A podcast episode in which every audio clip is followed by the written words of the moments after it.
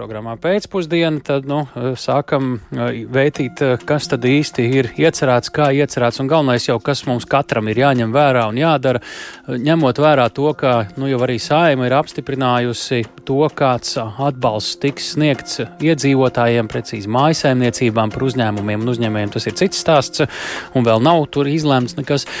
Kas tad būtu jāņem vērā, gatavojoties šī atbalsta saņemšanai, eh, kas pašiem jādara, kas automātiski notiks, kas kuram pienākas, kur to var noskaidrot. Labklājības ministrijas valsts sekretāra vietniece Elīna Celmiņa pie programmas pēcpusdienu klausulis. Labdien! Labdien, klausītāji!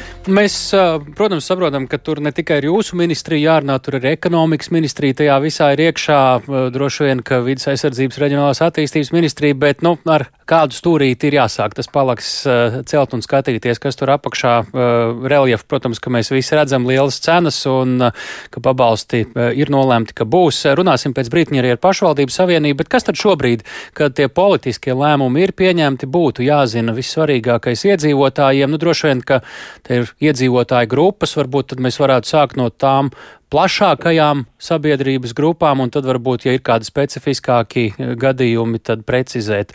Kas, ja klausītājs klausās, viņš ir no, no kādas mājsaimniecības, kas būtu jāzina, kur paskatīties, lai precīzāk saprastu, eh, kas uz viņu attiecas vai neatiecas, kā jūs ieteiktu? Jā, tā tad Kopējais atbalsta apjoms ir patiešām liels, tas aptver 440 miljonus visu pasākumu paketa kopumā, bet tas ietver eh, dažādu veidu atbalstu. Viens no tiem ir valsts pabalsts noteiktām personu grupām. Eh, tie ir seniori, personas ar invaliditāti un apgādnieku zaudējušie cilvēki un bēgļi un alternatīvā status cilvēki. Uh, Viņiem atbalsts būs 30, eh, 20 vai 10 eiro apmērā, atkarībā no tā viņa pensijas vai pabalsta apmēra, ko viņš saņem šobrīd.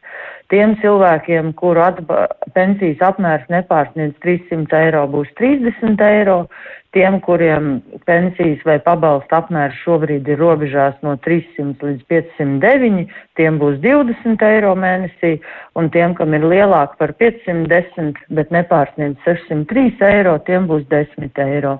Tiem, kuri saņem eh, ģimenes valsts pabalsta piemaksu par bērnu ar invaliditāti un eh, valsts sociālā nodrošinājuma pabalstu, bēgļu un alternatīvā status gadījumā tiem ir 30 eiro. Iesniegums eh, lielākai daļai cilvēku nav jāiesniedz. Šo cilvēku tā, vai vispār visu maisaimniecību?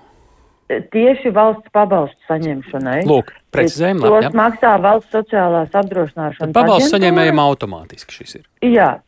Ir dažas specifiskas grupas, bet vairums Latvijas iedzīvotāji, kuri kvalificējuši šim pensijas vai invaliditātes uh, maksājumam, uh, iesniegums nav nepieciešams. Nu, šo pensionāru Tā, droši vien būs ļoti priecīgi dzirdēt. Jā, un maksājums nav. būs kopā ar novembra, decembra, janvāra, februāra, marta un aprīļa maksājumu.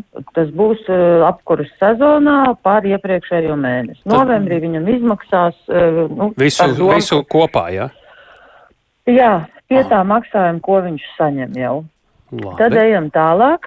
Ir šie te horizontālie atbalsti dabas gāzei un centrāla apkurei. Atbalstu piemēros rēķinā. Cilvēkam pašam nekur nav jāiet, nekas nav jāiesniedz. Atbalstam ir noteikti sliekšņi. Nezinu, vai tagad ēterā to var mēģināt izskaidrot. Varētu būt par sarežģītu, un tur katram droši vien viņa atšķirs. Mēs visu neizskaidrosim, Jā. bet tur arī tas notiek tad automātiski. Cilvēks vienkārši Jā. skatoties rēķinu, vai viņš ieraudzīs, ka uh, to atbalstu Jā. šajā rēķinā, vai arī tur ir rēķins vienkārši atnāks mazāks. Un, Nē. Tur... Tieši tā arī būs, kā jūs teicāt, viņam rēķinā parādīsies uh, saņemtā atbalsta apjoms, tas piemērotais.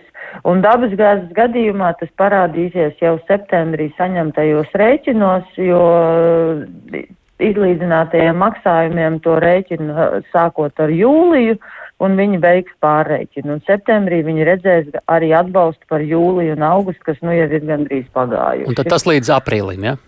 Tas līdz aprīlim, mm. jā. Tad seko centralizētā siltuma apgāde, tiem ir tāpat rēķinos sākot ar oktobra mēnesi, jo parasti mēs kurināt mājas sākam oktobra mēnesī. Tur ir noteikts tarifs, atbalsts ir 50% apmērā virs 68 eiro par megavatu stundu.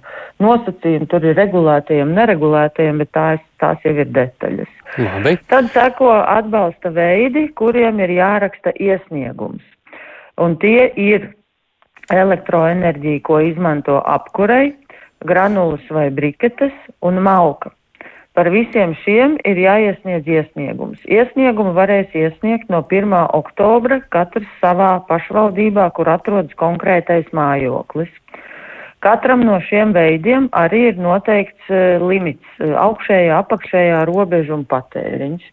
Tas viss visos gadījumos ir rēķināts uz tādu aptuveno cenu izmaksu robežu, -hmm. kāda bija siltuma apgādēji un 70 Jā. eiro par megavatu stundu. Te mēs arī Parasti detaļās droši vien nevarēsim ieiet, Jā. bet kur var par šo palasīt katrs vairāk, lai savam individuālajam gadījumam saprastu? Šobrīd ministrijas publicē informāciju savā mājaslapā, gan ekonomikas ministrija, gan labklājības ministrija, bet es domāju, ka tuvākajā laikā arī pašvaldības gatavos papildu informāciju saviem iedzīvotājiem, mm -hmm. nu, savos izdevumos, savos materiālos. Jā. Mums vēl pusotra minūte visai šai Jā. plašajai informācijai. Kas vēl ir svarīgs, ko noteikti iedzīvotājiem būtu jāņem? Pieteikšanās būs uh, elektroniski tiem, kam visiem tas ir ērta, bet tiem, kam tas nebūs ērta, tas būs iespējams arī klātienē. Uh, Un tiem, kam ar šiem atbalsta veidiem eh, vēl joprojām ir grūtības sekt izdevums par mājokli, joprojām paliek iespēja pieteikties mājokļu pabalstam sociālajā dienestā, kuru aprēķina balstoties uz ienākumiem un izdevumiem. Un tur ir palielināts tas slieksnis, pie kura var kvalificēties tiem granulniekiem, malceniekiem, gāziniekiem, kuriem ir šāda apkuri mājās pašiem individuālā, kur viņiem vajadzēs vērsties, ja viņiem Savā vajadzēs vērsties? pašvaldībā ir svarīgi, ka viņiem ir šis te maksājuma dokuments Jā. kopš 1. maija, bet Maltas gadījumā ir vēl izņēmums, būs paredzēts vienreizējs atbalsts 60 eiro apmērā, ja cilvēkam ir malkas apkure un viņš pašapliecina, ka viņš ir līdz 31. augustam iegādājis iegādājies malku. Ah, nu arī šie visi iesniegumi. Vēl arī tie, kur savā mežā cērt, jā. Tā, daudz. Nu jā, jā, jā, jā, jā. Tie arī ir tie. cilvēku jā. pašu rūpes par savu apkuri. Nu, jo ciršanas izmaksas ar visiem zāģiem tās jau arī ir augušas. Un tas eh, tajā cenā ir iekšā kaut vai ko tu pats izdari. Paldies par sarunu, eh, eh, arī par koncentrēto sarunu. Nav daudz tādu, kur tik daudz lietas var izstāstīt tik īsā laikā. Lielas paldies! Elīna Celmiņa, labklājības ministrijas valsts sekretāra vietniece, bija mūsu sarunbiedrene.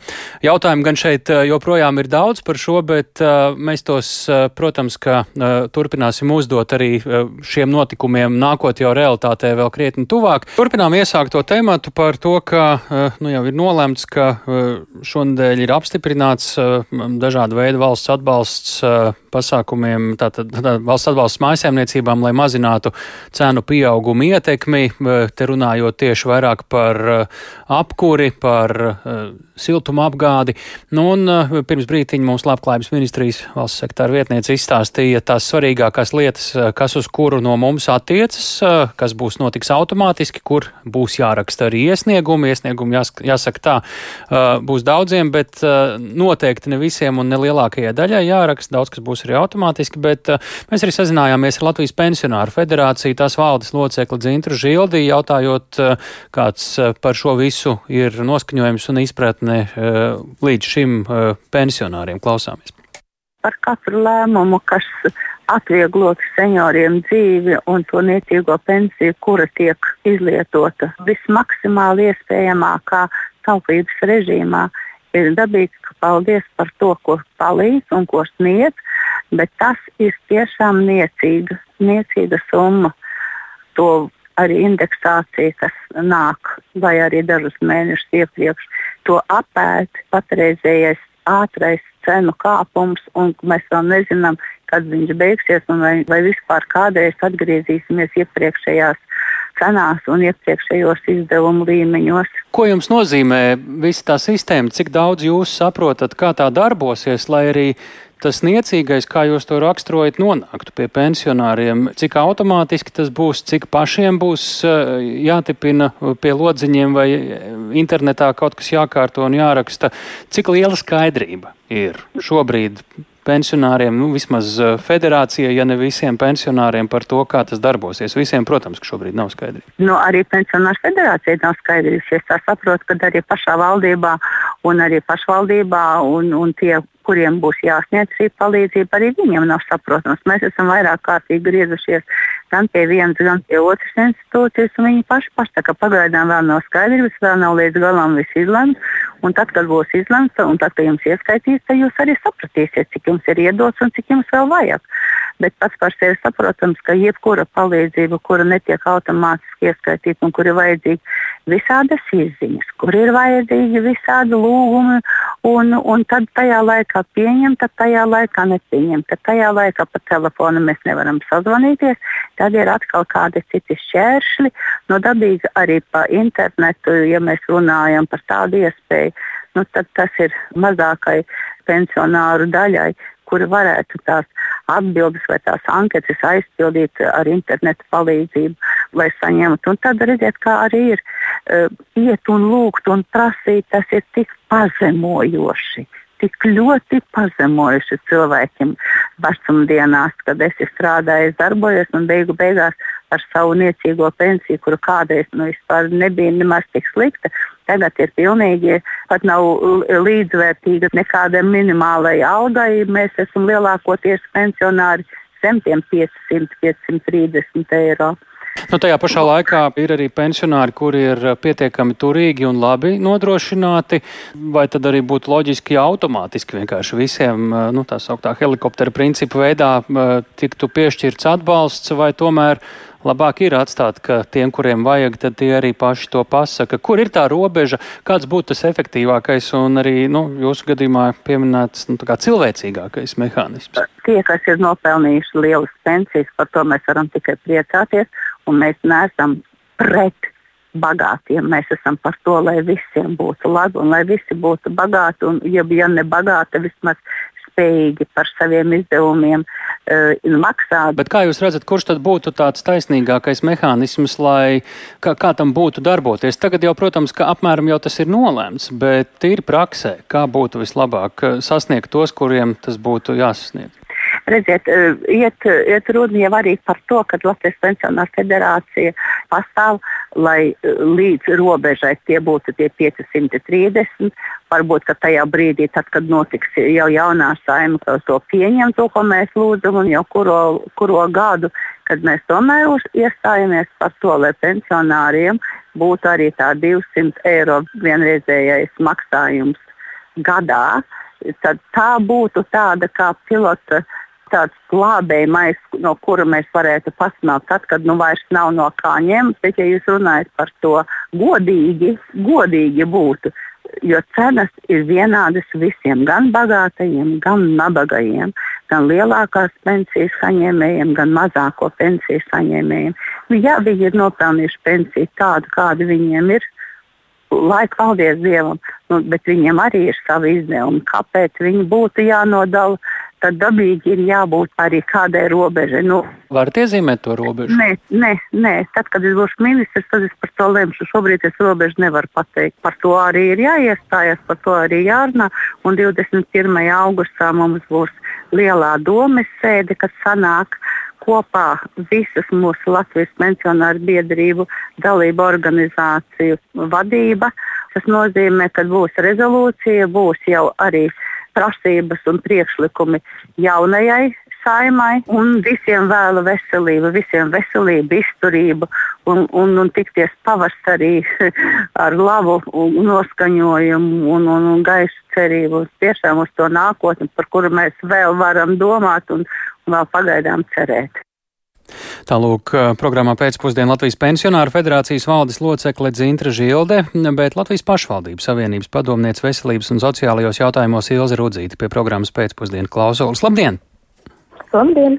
Nerunājot par šo atbalsta apmēru, mēs no daudziem esam dzirdējuši vērtējumus, cik tas, kuram, diemžēl, liekas, ka nav liels, bet tieši par šo atbalsta piešķiršanas sistēmu, kā Cik labi pašvaldības šobrīd to saprot, jo nu, tas, ko mēs dzirdējām no labklājības ministrijas pirms dažām minūtēm, nu, ka ļoti daudz kas notiks arī automātiski, kur nav jāraksta nekādu iesniegumu, bet, protams, ka daudz cilvēki māju, savus mājasēmniecības apkurina paši, gādājot dažādu veidu kurināmo. Kas šobrīd ir tās šaurās vietas, jo pašvaldības saņem šos iesniegumus, ko jūs redzat šajā procesā, par ko jums šobrīd ir bažas? Nu, šaurās vietas droši vien ir tas, ka tas ir ļoti liels maisaimniecību skaits, kas nu, šobrīd tiek prognozēts vērsīsies pašvaldībās un arī sociālajos dienestos savukārt, lai saņemtu mājokļu pabalstu. Un, diemžēl, varētu prognozēt arī vērtējot neiedzīvotāju paradumus, ka šie pieteikumi varētu tikt pie, iesniegti vai pieteikti vienlaikus jau sākoties ar šo te 1. oktobri, kas ir pateikts kā šis pieteikuma iesniegšanas datums.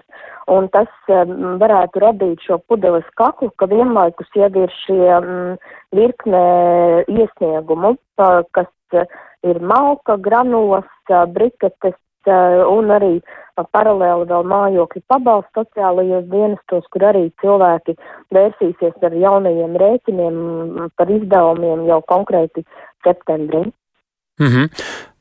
Ko skaitļos tas pudeles kakls nozīmētu? Tie var būt šaurāki un rasnāki tie pudeles kakli. Kā jūs raksturot, cik nopietnas viņš var izvērsties, lai mēs saprastu to mērogu?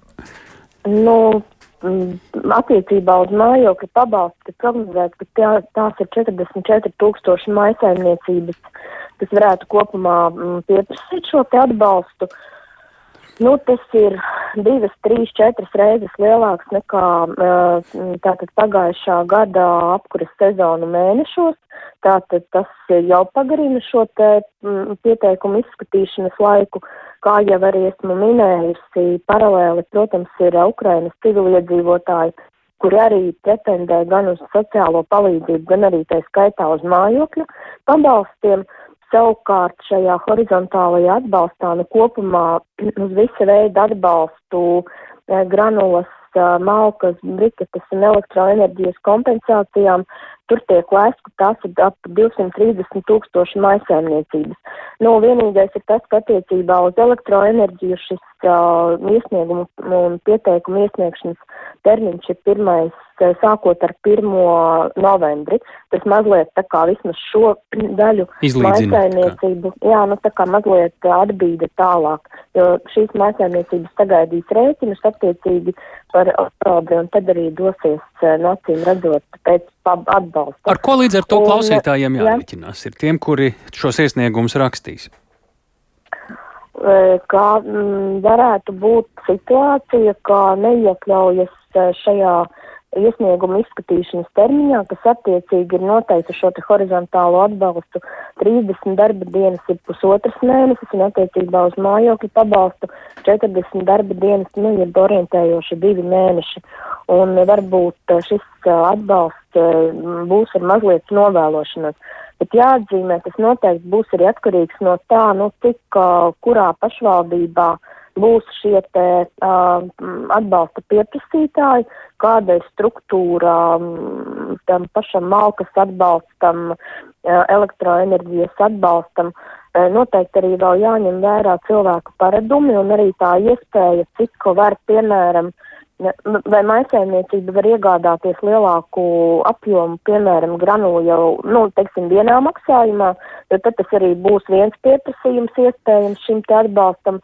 Savukārt, ja maisēmniecības nav šīs rocības un viņi dala nu, vairāku mēnešu maksājumos, nu, piemēram, pērst tās pašas granulas, tas nozīmē, ka maisēmniecības var vairāk kā šajā atbalsta periodā vērsties eh, pašvaldībā pēc atbalsta. Pašvaldības darbu tas nekādi neatvieglo. Ko pašvaldības ir gatavas eh, darīt, lai to situāciju eh, pēc iespējas padarītu efektīvāku un ātrāku šo apkalpošanu?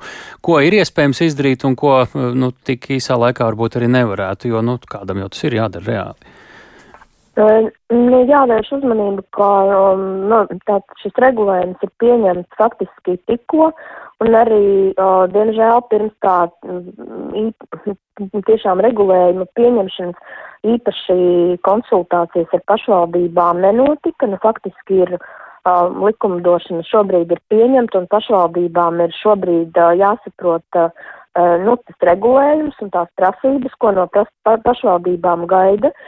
Tuvākajā laikā pašvaldībām noteikti katrai savā nu, teritorijā, savās iestādēs jāvērtē gan tā kapacitāte, gan uh, tie darbinieki jāvērtē, kuri varētu tikt iesaistīti šai atbalsta sniegšanas procesā, jo šeit ir, uh, nu, gan tomēr ir jābūt nodrošinājumam arī ar uh, mhm. datortehnoloģijām.